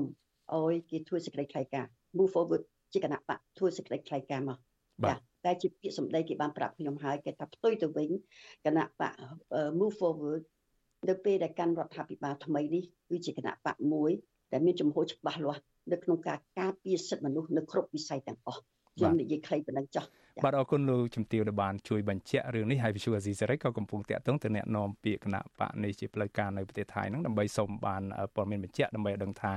អ្វីដែលលោកនាយករដ្ឋមន្ត្រីហ៊ុនសែនប្រកាសហ្នឹងសិតតែព័ត៌មានคล้ายៗជាបន្តបន្ទាប់មានរយៈពេលចុងក្រោយនេះដោយកាត់នៃលោកសំរងស៊ីប្រធានស្ដីទីគណៈបកសង្គ្រោះជាតិទៅទស្សនកិច្ចនៅប្រទេសម៉ាឡេស៊ីជាដើមហ្នឹងថាសិតតែត្រូវគេបដិញ្ញចេញអីតែជាក់ស្ដែងព័ត៌មានពិតដែលយើងទទួលបានហ្នឹងគឺมันមានការរណីកាត់ហេតុដូចនេះឡើយដូច្នេះឃើញថាវិមានសន្តិភាពរបស់លោកនាយ រដ្ឋមន្ត្រីហ៊ុនសែនផ្សព្វផ្សាយមួយថ្ងៃមួយថ្ងៃតែព័ត៌មានคล้ายៗបានលោកជំទាវខ្ញុំបន្ថែមពីទស្សនកិច្ចលេខនៃលោកប្រធានសេដ្ឋីសំណាងចាដែលលោកហ៊ុនសែនគាត់អស់សង្ឃឹមមែនទែនគាត់អាម៉ាស់មែនទែនដែលគាត់ឃើញថាលោកប្រធានសេដ្ឋីសំរងស៊ីបានជិះទៅដល់ម៉ាឡេស៊ីខ្លួនខ្ញុំផ្ទាល់ក្នុងនាមខ្ញុំជាអ្នកទទួលខុសត្រូវជាមួយនឹងគណៈកម្មការកិច្ចការបរទេសនៃគណៈបកសង្គ្រោះជាតិយើងបានរៀបចំទស្សនកិច្ចនេះ ថ្ងៃដែលលោកប្រធានត្រូវចូលនិងថ្ងៃដែលលោកប្រធានស្ដីទីសំរងស៊ីត្រូវចេញពីម៉ាឡេស៊ីយើងដឹងទាំងអស់ឲ្យអត់មានខុសពីផែនការទេបាទអត់មានអ្នកណាបណ្ដេញលោកប្រធានស្ដីទីសំរងស៊ីចេញពីម៉ាឡេស៊ីតតែសោះផ្ទុយទៅវិញគេទទួលគេយើងប្រទេសម៉ាឡេស៊ីជាប្រទេសដែលមានពន្ធនភាពទឹកដីមានឯករាជ្យភាពណាគេមានច្បាប់ទម្លាប់របស់គេ มันអាចលោកប្រទេសស្ដីទីសំរងស៊ីចូលដល់ខុសច្បាប់ចេញវិញក៏គេដេញរបៀបនេះមិនមែនធ្វើចឹងបានទេអ្នកមុខអ្នកការគេបានទៅទទួលនៅលោកប្រធានស្ដីទីសំរងស៊ីដល់ពលានយន្តហោះបាទសូមឲ្យលោកហ៊ុនសែនមេត្តាឈប់និយាយការបោកប្រាស់ប្រជាពលរដ្ឋនេះគឺជាការអត់មានតម្លៃជូនទៅដល់ប្រមុខរដ្ឋាភិបាលនៃប្រទេសមួយដែលឯករាជ្យគឺប្រទេសកម្ពុជាយើងកុំឲ្យប្រទេសកម្ពុជាយើងអាម៉ាស់ដោយសារសម្ដីលោកហ៊ុនសែន បាទអរគុណលោកជំទាវយើងងាកមករឿង EBA បន្តទៀតបាទយើងឃើញថាសហសភារបស់អឺរ៉ុបសភាអឺរ៉ុបគឺតំណាងឲ្យសហភាពអឺរ៉ុប27ប្រទេសហ្នឹងគឺតាក់ទងនឹងរឿង EBA នេះគេបានធ្វើចំណាត់ការជាបន្តបន្ទាប់មកហើយដោយលោកអាត់ធុនបានមានប្រសាសន៍ចឹងថាពីដំបូងឡើយគឺនៅមុនពេលបោះឆ្នោតនៅមុននឹងក្រោយពេលបោះឆ្នោតជាតិឆ្នាំ2000 18ហ្នឹងគឺគណៈកម្មការរំបានសម្រេចជាផ្លូវការដកហូតប្រព័ន្ធអនុគ្រោះពន្ធ EBA 20%ហើយក្រោយពីព្រឹត្តិការណ៍នេះទៅនឹងនៅពេលដែល EBA 20%ចូលជាផ្លូវការហើយនៅខែសីហាឆ្នាំ2020ហ្នឹងគឺសភាអឺរ៉ុបហ្នឹងបាន ចេញនៅសេចក្តីសម្រេចរហូតដល់ទៅ2លើកសេចក្តីសម្រេចលើកទី1ហ្នឹងគឺនៅមុនការបោះឆ្នោតឃុំសង្កាត់ឆ្នាំ2022ហើយសេចក្តីសម្រេចលើកទី2ហ្នឹងគឺនៅក្រោយការកាត់ទោសលោកកឹមសុខាឲ្យជាប់ពន្ធនាគាររយៈពេល27ឆ្នាំជំនួសដោយការឃុំខ្លួននៅក្នុងផ្ទះបាទសេចក្តីសម្រេចទាំងពីរហ្នឹងសុទ្ធតែបានលើកឡើងនិងប្រមាន ចំចំតែម្ដងថាសភាសហភាពអឺរ៉ុបនឹងឈានទៅដកហូតប្រព័ន្ធអនុគ្រោះពន្ធ EBA ដែលនៅសេសសល់80%ពីកម្ពុជា ប្រសិនបើការបោះឆ្នោតនាពេលខាងមុខនេះមិនដំណើរការទៅដោយសេរីនិងយុត្តិធម៌នោះទេហើយចុងក្រោយអ្វីដែលយើងកត់សម្គាល់នោះគឺនៅក្នុងសេចក្តីសម្រេចនៅក្រោយការកាត់ទោសលោកកឹមសុខានៅដើមពាក់កណ្ដាលខែមីនាឆ្នាំ2020នេះយើងឃើញថាសភាអឺរ៉ុបបានបញ្ជាក់ច្បាស់នៅចំណុចសំខាន់មួយទៀតគឺស្នើឲ្យគណៈកម្មការអឺរ៉ុបប្រើប្រាស់នៅគ្រប់ ឧបករណ៍ដែលខ្លួនមានដើម្បីធ្វើយ៉ាងណាដាក់ទណ្ឌកម្មជាក់លាក់ទៅលើមន្ត្រីនៃរដ្ឋាភិបាលជាន់ខ្ពស់របស់លោក ដែលបានចូលរួមរំលាយប្រជាធិបតេយ្យឬក៏បំផ្លាញសិទ្ធិមនុស្សនោះហើយក៏ពាក់ព័ន្ធនឹងគេក៏តម្រូវឲ្យតាមដានយ៉ាងយកចិត្តទុកដាក់ទៅលើករណីថាតើមានការរំលាយគណៈបក ភ្លើងទៀនដែរឬអត់នោះបាទលោកជំទាវមើលពីទំនោរសេចក្តីសម្រេចរបស់សភាអឺរ៉ុបទាំងពីរលើកនេះតើលោកជំទាវអាចវិតម្លៃបានទេថាសហភាពអឺរ៉ុបនឹងមិនដកថយទេ ហើយគេនឹងឈានដោយអ្វីដែលជាសំណើរបស់សភាអឺរ៉ុបតំណាងឲ្យប្រទេស27នៅក្នុងជាសមាជិកអឺរ៉ុបនោះថានឹងឈានទៅដកហូតទាំងស្រុងនេះប៉ុណ្ណាទៅបាទលោកជំទាវអំពី possibility លទ្ធភាពដែលអាចឈានទៅដកទាំងស្រុងនោះបាទ ខ្ញុំមានជំនឿច្បាស់ណាស់ថាសភាអឺរ៉ុបនឹងធ្វើអស់ឲ្យអស់ពីលទ្ធភាពការសេចក្តីថ្លែងការណ៍ម្ដងហើយម្ដងទៀតគឺជាការអនុគ្រោះជូនទៅដល់លោកហ៊ុនសែនរដ្ឋាភិបាលលោកហ៊ុនសែនរបបលោកហ៊ុនសែនឲ្យដឹងខ្លួនឲ្យប្រុងប្រយ័ត្នពីព្រោះគេមានការកង្វល់ទៅលើស្ថានភាពនយោបាយជាពិសេសទៅលើសេដ្ឋកិច្ច របស់ប្រទេសកម្ពុជាហើយពិសេសទៅទៀតគឺប៉ះពាល់ទៅដល់សិទ្ធិមនុស្សដ៏ធ្ងន់ធ្ងរពីព្រោះ EBA អ្វីអ្វីអឺពុំតែអឺគ្រឿងប្រដាប់អាវុធនេះមានលក្ខខណ្ឌច្បាស់លាស់ធ្វើបានលុត្រាតែគោរពសិទ្ធិមនុស្សនៅក្នុងនោះមានសិទ្ធិកម្មករពីព្រោះយើងនិយាយអំពីផលិតផលកសិកម្មនិងផលិតផលដែលចេញពីរោងចក្រដូច្នេះ វាចេញមកពីកសិករកម្មករហើយលក្ខខណ្ឌមួយទៀតគឺនិយាយអំពីស្ថានភាពនយោបាយការរដ្ឋបិទនយោបាយហើយមួយទៀតគឺមានកង្វល់គេមានកង្វល់ទៅលើសិទ្ធិមនុស្សប៉ះពាល់ទៅលើអឺដីធ្លី3ចំណុចនេះគឺជា3ចំណុចដ៏ធំធំហើយជាការជាក់ស្ដែងដែលពលរដ្ឋកម្ពុជាពលរដ្ឋខ្មែរយើងកំពុងតែលំបាកឈឺចាប់ដោយខ្លោចសារបំផុត បាត់បង់ដីធ្លីអស់ការងារធ្វើបំពាក់បំណុលគេ ហើយរហូតទៅដល់អស់មានសិទ្ធិបោះឆ្នោតជ្រើសរើសគណៈបកដែលគេចង់បានដូច្នេះសភាអឺរ៉ុបគេគោរពគេមើលស្ថានភាពហើយនឹងការផលប៉ះពាល់ទៅដល់ពលរដ្ឋខ្មែរគេអត់មានស្ដាប់សម្ដីលោកហ៊ុនសែនទេហើយសូមឲ្យលោកហ៊ុនសែនពិចារណាស្រាវឡើងវិញអាណិតពលរដ្ឋខ្មែរផងកុំចង់ឈ្នះតែខ្លួនឯងជាតិនេះគឺជាជាតិយើងទាំងអស់គ្នា សេដ្ឋកិច្ចនេះជាសេដ្ឋកិច្ចឆ្នាំងបាយនៃពលរដ្ឋខ្មែរបំណុលនៃប្រជាពលរដ្ឋខ្មែរយើង ជាពិសេសស្ត្រីជាបំណុលដែលដោះមិនបានទេ ហើយវិស័យដែលមានសំខាន់គឺវិស័យដែលពាក់ព័ន្ធនឹង EBA នឹងឯងហើយវិស័យដទៃទៀតដូចជាទេសចរតើឥឡូវហ្នឹងទេសចរបានងើបឈរដល់ប្រមាណទៅហើយបាទអឺចាវិស័យកសិកម្មធ្ងន់ធ្ងរណាស់ដែលកសិករយើង សម្រាប់តែការហូបចុកប្រចាំថ្ងៃ និងផលិតសម្រាប់ ពលប្រទេសកម្ពុជាខ្លួនឯងហ្នឹងបាទអរគុណលោកជំទាវដោយសារពេលវេលាម៉ោងផ្សាយរបស់យើងនៅលើរលកធាតុអាកាសខ្លីឬ short wave នឹងឈានមកដល់ទីបញ្ចប់នៃពេលបន្តិចទៀតនេះខ្ញុំសូមជម្រាបលាអ្នកស្ដាប់របស់យើងនៅលើរលកធាតុអាកាសខ្លី short wave តែត្រឹមនេះប៉ុន្តែយើងបន្តពិភាក្សាបន្ថែមម៉ោងបន្តិចលើប្រធានបទដ៏សំខាន់និងរសើបមួយនេះបាទលោកជំទាវបានមានប្រសាសន៍ឲ្យអំពីផលប៉ះពាល់សំខាន់ហើយនឹងទំនោរជារួមរបស់ក្រមប្រទេសនៅក្នុងសភាអឺរ៉ុបនឹងឯងគឺយើងឃើញថាតំណាងរាស្ត្រអឺរ៉ុបហ្នឹងគឺ ជាច្រើនអ្នកគឺច្រើនលើសលប់តែម្ដងបើមើលពីការបោះឆ្នោតគ្រប់គ្រងសេចក្តីសម្រេចរបស់សភាអឺរ៉ុបកាលពីពាក់កណ្ដាលខែមីនាកន្លងទៅនេះគឺយើងឃើញមានការគ្រប់គ្រងពីសមាជិកតំណាងរាស្ត្រហ្នឹងរហូតដល់សម្លេងគ្រប់គ្រងហ្នឹងដល់496សម្លេងគឺមានន័យថាជាសម្លេងច្រើនលើសលប់តែម្ដងហើយមានសម្លេងប្រឆាំងតែ11សម្លេងទេហើយផ្អែកតាមប្រសាសន៍របស់លោកជំទាវលោកជំទាវមានប្រសាសន៍ឲ្យថាទំនោរនេះនឹងទៅមុខមានន័យថាសហភាពសភាអឺរ៉ុបឬក៏គណៈកម្មការអឺរ៉ុបនឹងឈានទៅដល់80%ដោយតាមការប្រមានរបស់គេមែនក៏ប៉ុន្តែលោកជំទាវខ្ញុំចង់ឲ្យលោកជំទាវបញ្ជាក់ត្រង់នេះឲ្យបានច្បាស់បន្តិចព្រោះថាកន្លងមកលោកនាយរដ្ឋមន្ត្រីហ៊ុនសែនធ្វើខ្លួនឯងតាំងខ្លួនឯងជាជនរងគ្រោះក្រោយពីលោកបានបើកយុទ្ធនាការអស់5ឆ្នាំហើយបន្តរហូតមកដល់សប្តាហ៍រំលាយគណៈបកសង្គ្រោះជាតិរំលាយសម្លេងជិត3ជាង3លានសម្លេងរបស់គណៈបកសង្គ្រោះជាតិហើយឥឡូវនេះរំលាយសម្លេង ឆ្នោតរបស់ពលរដ្ឋជិត2លានសម្លេងរបស់គណៈបកភ្លើងទៀនទៀតតែលោកខ្លួនឯងតាំងខ្លួនថាជាជនរងគ្រោះជាអ្នកការពារអធិបតេយ្យកម្ពុជា ពីការជ្រៀតជ្រែកពីបរទេសត្រង់ចំណុចនេះលោកជំទាវហើយលោកលោកហ៊ុនសែននិងក្រុមរបស់រដ្ឋាភិបាលរបស់លោកនឹងតែងតែចោទទៅគណៈបកប្រឆាំងជាពិសេសក្រុមរបស់លោកជំទាវឬក៏គណៈបកសង្គ្រោះជាតិថាធ្វើយុទ្ធនាការឲ្យបរទេសនឹងដាក់ទណ្ឌកម្មសេដ្ឋកិច្ចមកលើកម្ពុជាតើចំណុចនេះពិតត្រង់ណាហើយនរណាជាជនរងគ្រោះពិតប្រា